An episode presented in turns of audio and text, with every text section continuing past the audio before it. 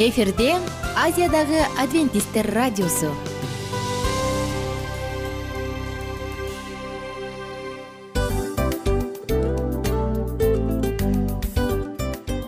Достор салют. Баардык сүйүктүү угармандарыбызга салам айтабыз. Кутман күнүңүздөр менен. Ден соолук өмүрдүн булагы демекчи саламат саамы программасында баарыңыздарды көргөнүбүзгө абдан кубанычтабыз. Анда алгач амандашып өтөлү арбаңыздар деп. Ден соолугуңуздар кандай элибизде көбүнчө ден соолук кандай дегенде эле жакшы деп жооп беребиз э? ооруп турсак дагы жакшы дейбиз. Анан мен муну айтып ойлойт элем бул абдан сонун сөз депчи анткени бул жакшы деген үмүт да э ооба баары жакшы болот баары сонун. Деп үмүттөнүп атып эле өзүбүздү өзүбүз дарылап коебуз. Анысы кандай? Сиздин дагы ден соолугуңуз жакшы беш деген үмүттөбүз чындыгында ден соолук бул өмүрдүн булагы деп бекеринен айтылган эмес деп ойлойм. Кыргыз элинде анткени эгерде ден соолук жок болсо анда адамдын жашоосунда калган баардык керектүү маңыздуу нерселер өзүнүн баалуулугун жоготуп коет. Ошондуктан ден соолук бул эң керектүү нерсе. Ооба туура айтасың кесиптешим. Чынында ден соолугуң жок бир эки үч күн ооруп калсаң эле кандай болуп калат? Жашоодо көз каранды болуп каласың көп нерсеге жетишпей каласың көп нерсени кыла албай каласың жада калса эшикке дүкөнгө да чыга албай каласың. Туптуура анан ден соолук болсо демек биз биздин бактыбыз тотой деп койсок болот. Анда достор саламат саамы рубрикабызды баштайлы. Алдыда өзүңүзгө керектүү болгон сонун кеңештерди уга аласыздар. Мына ошондуктан биз менен бирге болуңуздар. Ал эми биз болсо милан жана айнура. Кеттик алга. Алга саламат саама ден соолуктун жарчысы. Саламат саама ден соолуктун ачкычы. Күн сайын сиз үчүн мыкты кеңештер сонун жаңылыктар кызыктуу фактылар. Биздин рубрикада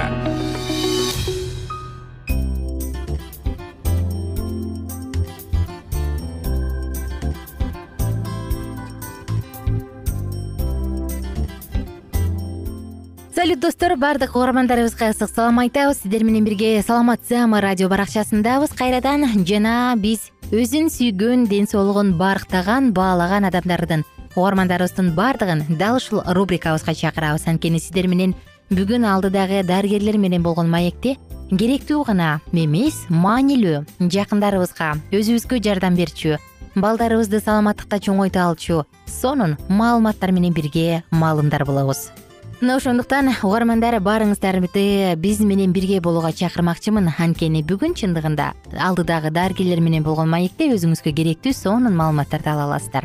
Достор адамда биринчи байлык ден соолук деп бекер айтылган эмес э? Мына ошондуктан биринчи эң керектүү болгон байлык бул биздин сиздин ден соолугуңуз. Үстүңдөгү үч кабат үй алдыңда беш түрлүү машина кымбат баалуу унаалардан эч бир пайда жок. Эгерде ден соолук болбосо. Ошондуктан угармандарыбыздын баардыгына бекем ден соолук каалоо менен бирге биз саатыбызды баштадык.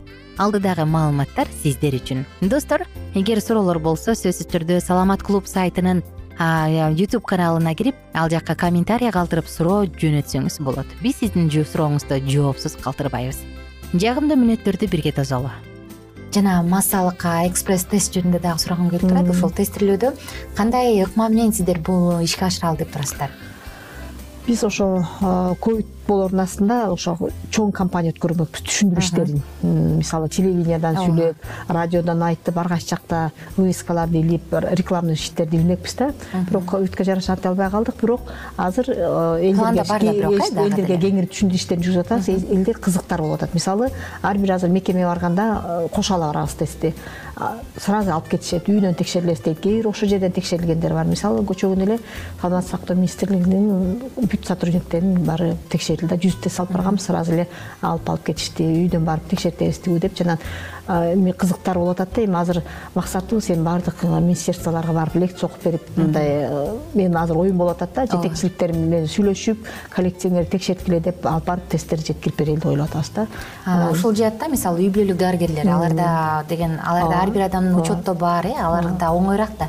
Бул жаатта аларга берип мына сиздерде катталган ар бир адам учетто турган баягы расписка жазылган катталгандардын баардыгы тең өтсүн деп туруп бере турган болсочу бул кандай иштемек ошондой туура болот үй бүлөлүк дарыгерлер топторуна мына самотестирование киргизилди алгыла бекер анан оң белги чыгып калса бияка кайрыласыңар деп жазып туруп эме алабыз да мен ойлойм да бул жаатта мисалы менин жеке оюм жөнөкөй эле дарыканаларга деле берип э туура. бул мына каалага мисалы ар бир эле адам мүмкүн текшерилгиси келет бирок баргандан коркот уялат э ии эмне дейт кандай болот деп. Баары бир адам өзүндө өзүндөй коркунучту жеңиш кыйыныраак го. Жөнөкөй эле дарыканада бар болсо мисалы барып алып кетип кала турган болсо ал ким билет өзүнө алып атабы же жолдошуна алып атабы же баласына алып атабы бул ыкма да жакшы иштемекпи төрттөн бештен деле алып кетип атышты көчөгүнө.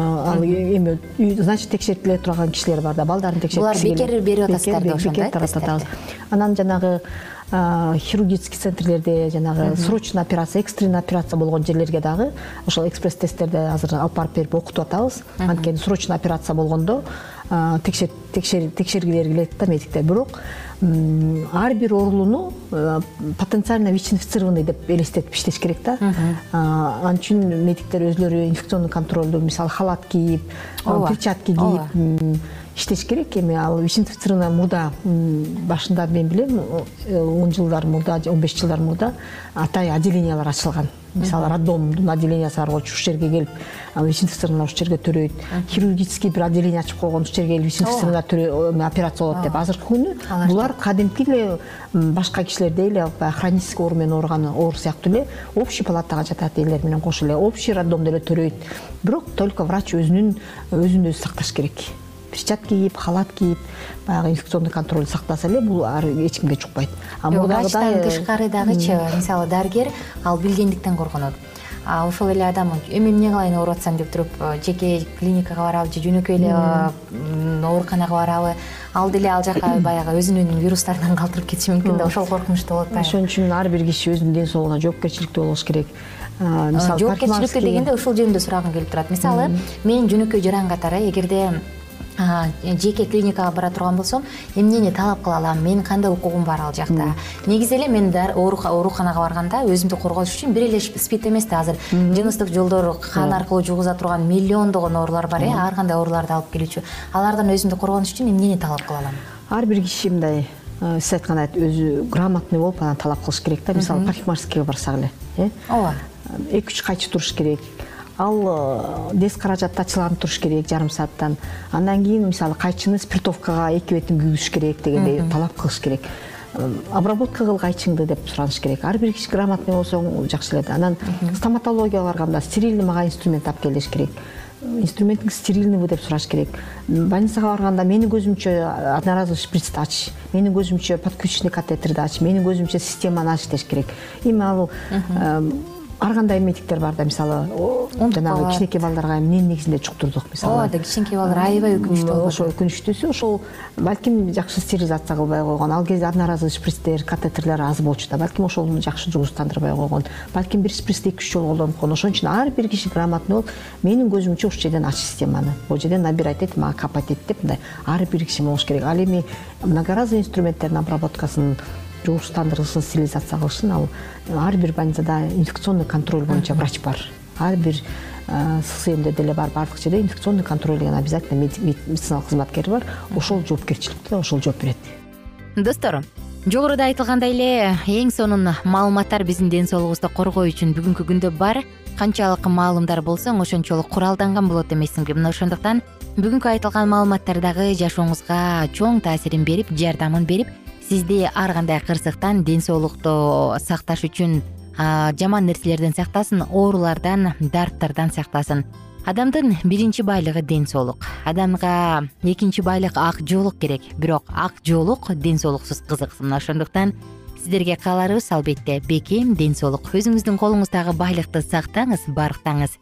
Жана албетте бул үчүн болгон күрөшүңүздү жумшаңыз адам баягы жашоосунда колдон келишинче акча таап алып туруп анан кийин улгайып калган кезде баардык тапканын кайра өзүнүн ден соолугуна жумшагандан көрө мейли аз тапса дагы бирок оорубай жашоонун кубанычын татып жашаганга эмне жетсин ошондуктан ар бириңиздерге кааларым бекем ден соолук. Коштошобуз достор сиздер менен кийинки уктуруулардан кайрадан амандашканча бар болуңуздар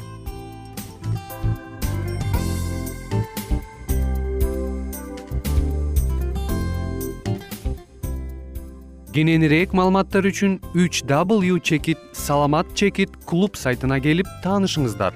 Жана андан тышкары социалдык тармактарда youtube facebook жана instagram баракчаларына катталыңыз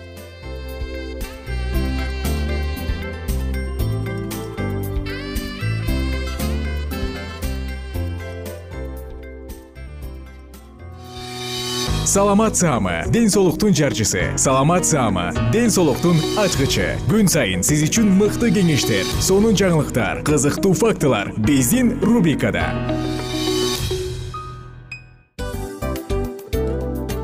Салам достор.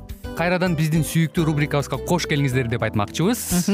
Баардык замандаштарыбызга арбаңыздар деп саламыбызды айтабыз. Улуу ушундай бир урматтаган учурашуу менен анан дил маек радио баракчабызга чакырабыз. Негизи дил маек биздин рубрикабызда эмне жөнүндө кеп кылабыз? Бул дил маектин мааниси эмнеде? Рубрикабыз менен кичине тааныштырып кетсеңиз. Сөзсүз түрдө тааныштыра кетейин кесиптешим суранычы боюнча бул учурда бул радио баракчада биз ар тарап кесип ээлеринен сонун кеңештерди алабыз сүйлөшөбүз сырдашабыз аталарыбыздын эжелерибиздин апаларыбыздын кеңештерин угабыз. Айтор жан дүйнөгө адамдын э, сапатына адамдын деги эле адам болуп жашашына керектүү баардык кеңештер алдыда.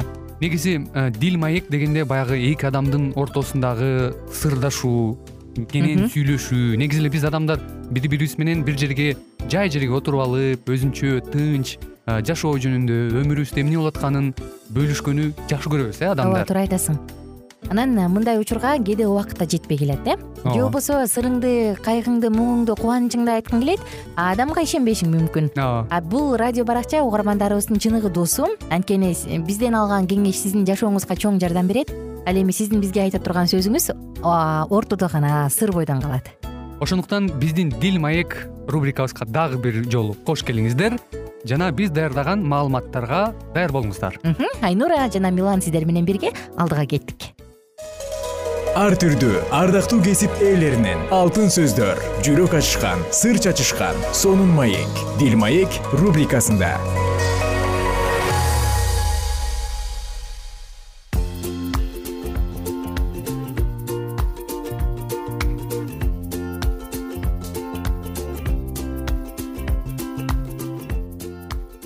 салют достор. Баардык угармандарыбызга ысык салам айтабыз. Жана сиздер менен бирге дил маек радио баракчасында руханий мурас жашия деп аталган сонун китепти андан ары окутуп улантабыз. Биз менен бирге болуңуздар. Бүгүн иордандан өтүү жана андан аркы жашиянын учурундагы сонун тарыхка бет алып бир сыйра карап өтөлү. Биз менен бирге болуңуздар. Эл чатырларын жыйнап иордандан өтүү үчүн ордунан козголгондо дин кызматчылар келишим сандыгын көтөрүп элдин алдына өтүштү.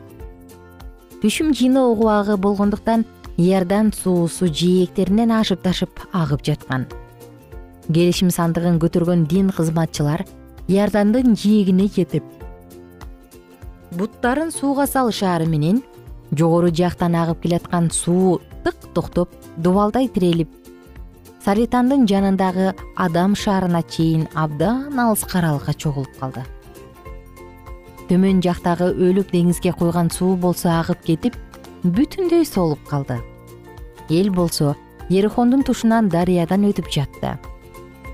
Элдин баары акпай калган дарыянын таман аркылуу өтүп бүткөнчө жараткан эгенин келишим сандыгын көтөргөн дин кызматчылар иордандын ортосундагы кургак жерде козголбостон туруп турушту.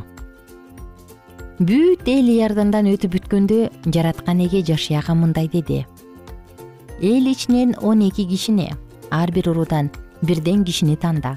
Анан аларга иордандын ортосунан дин кызматчылардын буттары турган жерден он эки чоң ташты алып чыгып аларды бүгүн силер түнөккө токтогон жерге алып барып койгула деп буйрук бер.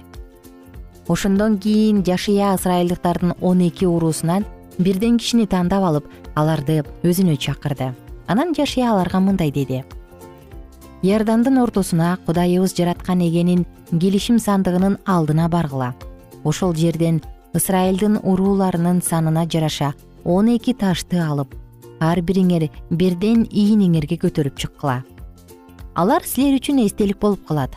Келечекте урпактарыңар силерден бул эмне деген таштар? деп сураганда аларга биз иордан дарыясынан өтүп жатканыбызда жараткан эгенин келишим сандыгынын алдында дарыянын агымы токтоп калган ошондуктан бул таштар ысырайыл урпактары үчүн түбөлүк эстелик катары коюлган деп айткыла.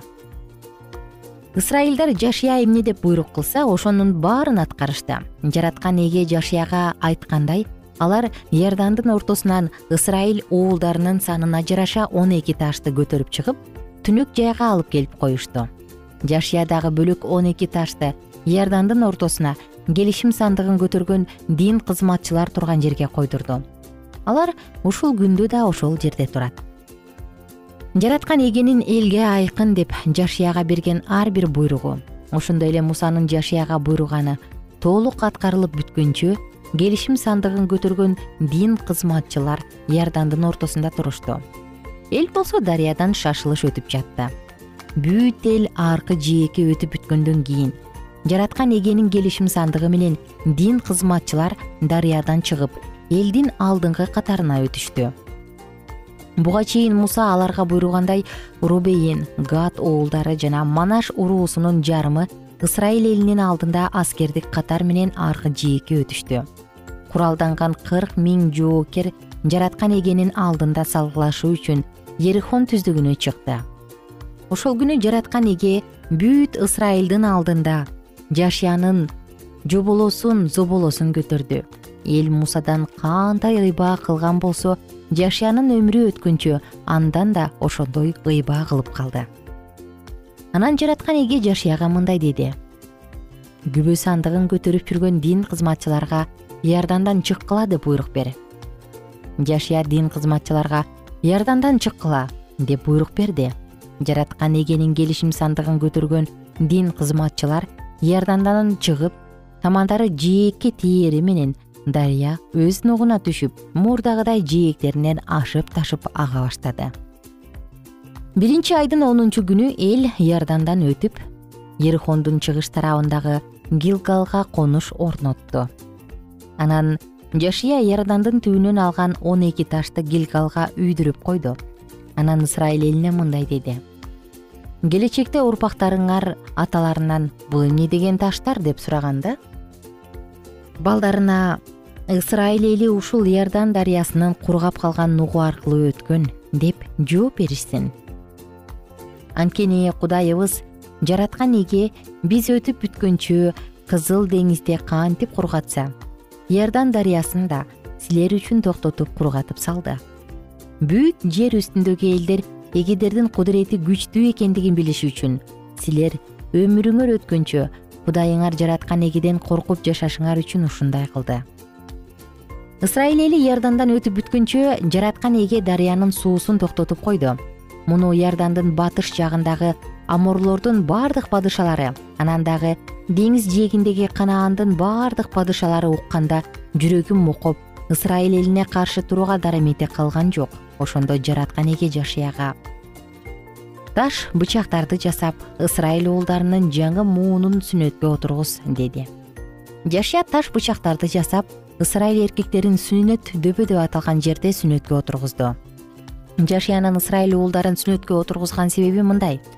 Мисирден чыккандан кийин согушка жарактуу эркектердин баары чөлдө каза болгон эле. Мисирден чыккан эркектердин баары сүннөткө отургузулган болчу. Ал эми мисирден чыккандан кийин чөлдөгү сапарда төрөлгөндөр болсо сүннөттөлгөн эмес эле мисирден чыккан элдин согушка жарактуу эркектери өлүп бүткөнчө ысрайыл уулдары кырк жыл чөлдө жер кезип жүрүштү. Себеби алар жараткан эгеге моюн сунбай коюшкан. Ошондуктан жараткан эге аларга аталарыңарга берем деген сүт менен бал аккан жерди көрбөйсүңөр деп ант берген болчу. Алардын ордун баскан уулдарын жашия сүннөткө отургузду. Алар чөл кезип жүргөндө сүннөткө отургузулган эмес болчу. Эркек аттуунун баарын сүннөткө отургузгандан кийин айыкканча конушта калышты. Мынакей достор бүгүн сиздер менен дагы сонун бир үзүндү окудук. Кийинки уктурууда улантабыз. Кайрадан амандашканча сак саламатта туруңуздар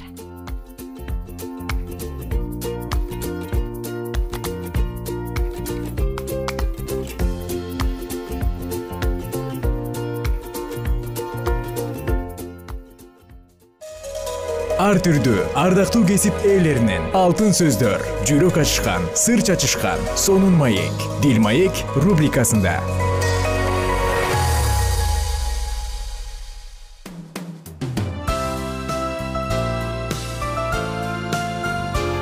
Эфирде азиядагы адвентисттер радиосу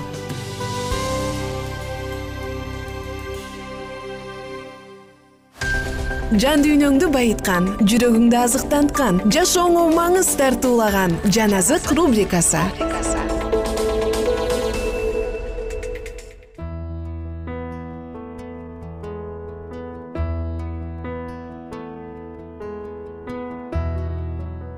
Саламатсыздарбы биздин сүйүктүү досторубуз баардык кымбаттуу угармандарыбыздын баардыгына салам айтып сиздер менен бирге кайрадан жагымдуу жана сонун учурубузду баштадык. Бул радио баракчабыз жан азык радио баракчасы деп аталат. Сөзсүз түрдө жан дүйнөбүздү азыктандырабыз сөзсүз түрдө жан дүйнөбүзгө көңүл бурабыз жан дүйнөбүздү байытабыз.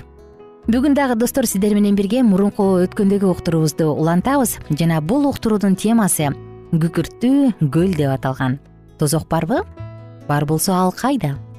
Ал канча убакыт күйөт? Азыркы учурда тозокто күйүп жаткандар барбы? Бул ар бир адамды кызыктырган суроо ушул суроолорго так жооп алыш үчүн биздин жолугушууларга кош келиңиздер.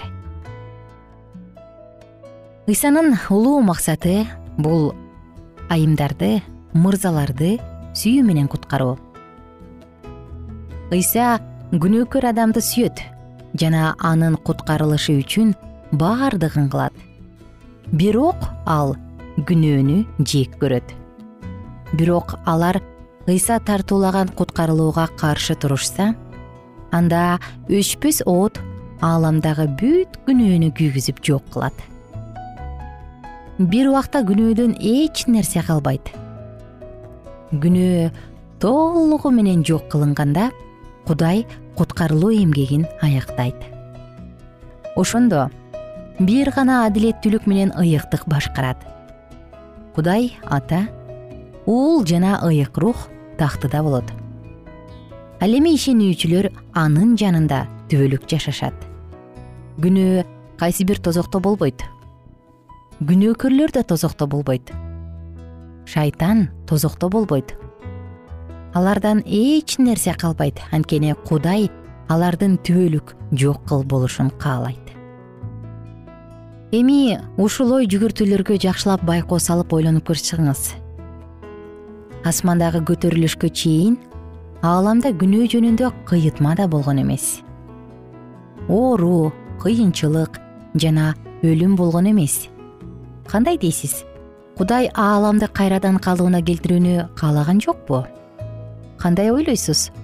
Кудай ааламда күнөөнү калтырып койгонун жатабы кандай ойлойсуз? Кудай ааламда тозок деп аталган жерде күнөөкөрлөрдү калтырып коюп жатканыбы анда ыйык жазуудагы түбөлүктөн түбөлүккө деген сөзчү. Аян китебинде он төртүнчү бап он бир онунчу аяттарда мындай деп айтылат. Отко жана күкүрткө күйүп кыйналат.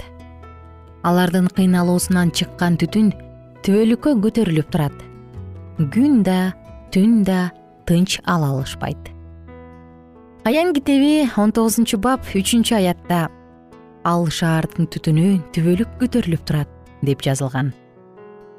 Биз азыр эле библиядагы бир нече аяттар менен тааныштык анда от акыр бир убакта өчөт деп айтылат. Бирок бул жерде түтүнү түбөлүккө түтөп турат деп даана айтылган.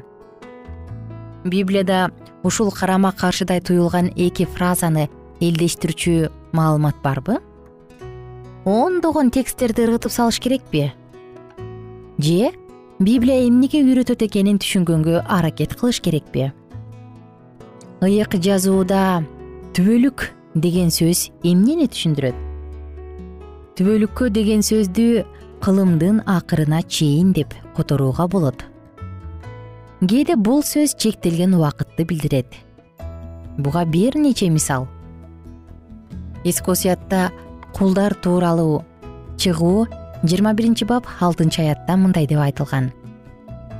Анда кожоюну аны башкаруучулардын алдына алып келип эшиктин же кашектин жанына тургузуп кулагын чибеге менен тешсин. Ошондо ал ага өмүр бою кул болот. Тешилген кулак кулдардын символу болчу. Кул мырзасына түбөлүк кызмат кылууга даярданчу. Бир мүнөткө токтосоңуз ыбрайымдын урпактары мурастап калган жерде кул мырзасына түбөлүк кызмат кылабы? Жок албетте жок. Анда ал анын түбөлүк кулу болот деген эмнени түшүндүрөт? Демек бул канча жашаса ошончо убак дегенди айтат. Карасаңыз аннанын окуясында ал жалгыз уулун ыйык кызмат кылуучунун кызматына арнаганда түбөлүк деген сөз кандай сонун колдонулган? Биринчи шемюэль биринчи бап жыйырма экинчи аятта ал теңирдин алдына барып ошол жерде түбөлүк калат деп жазылган. Биротоло бул канча убакыт? Жыйырма сегизинчи текстти карасак биринчи шамюэль биринчи бап жыйырма сегизинчи аят. Мен аны өмүрү өткөнчө теңирге кызмат кылууга берем мына ачкычы.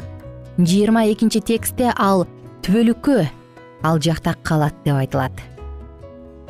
Жыйырма сегизинчи текстте өмүрүнүн бүт күнү ал жакта калат деп айтылат. Адилетсиздер кылымдын акырына чейин өрттөлүшөт. От аларды ток толугу менен жок кылмайынча күйүшөт.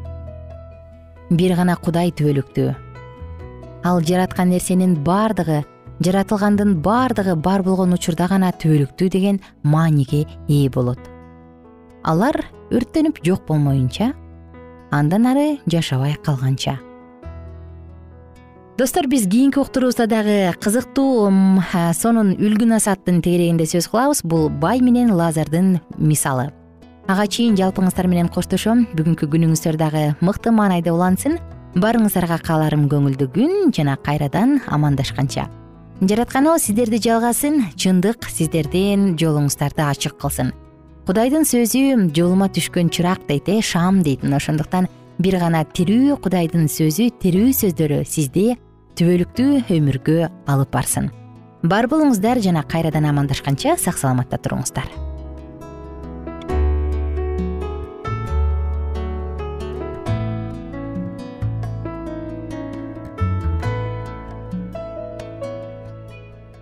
эгер сиздерде суроолор болсо же көбүрөөк маалымат билем десеңиз анда биздин whatsapp номерибизге жазыңыз. Плюс бир үч жүз бир жети жүз алтымыш алтымыш жетимиш. Кайрадан плюс бир үч жүз бир жети жүз алтымыш алтымыш жетимиш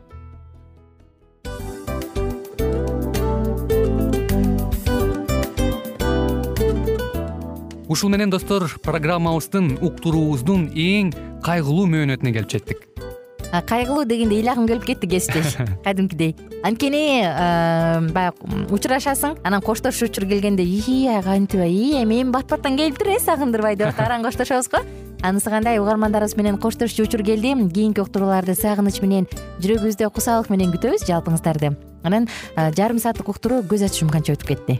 Сөзсүз бирок бизде жакшы кабар бар. Кийинки уктурууларыбызда сөзсүз дагы кезигишебиз. Анткени биз көптөгөн сюрприздерди кызыктуу маалыматтарды жана керектүү керектүү нерселердин көбүнчөсүн даярдадык.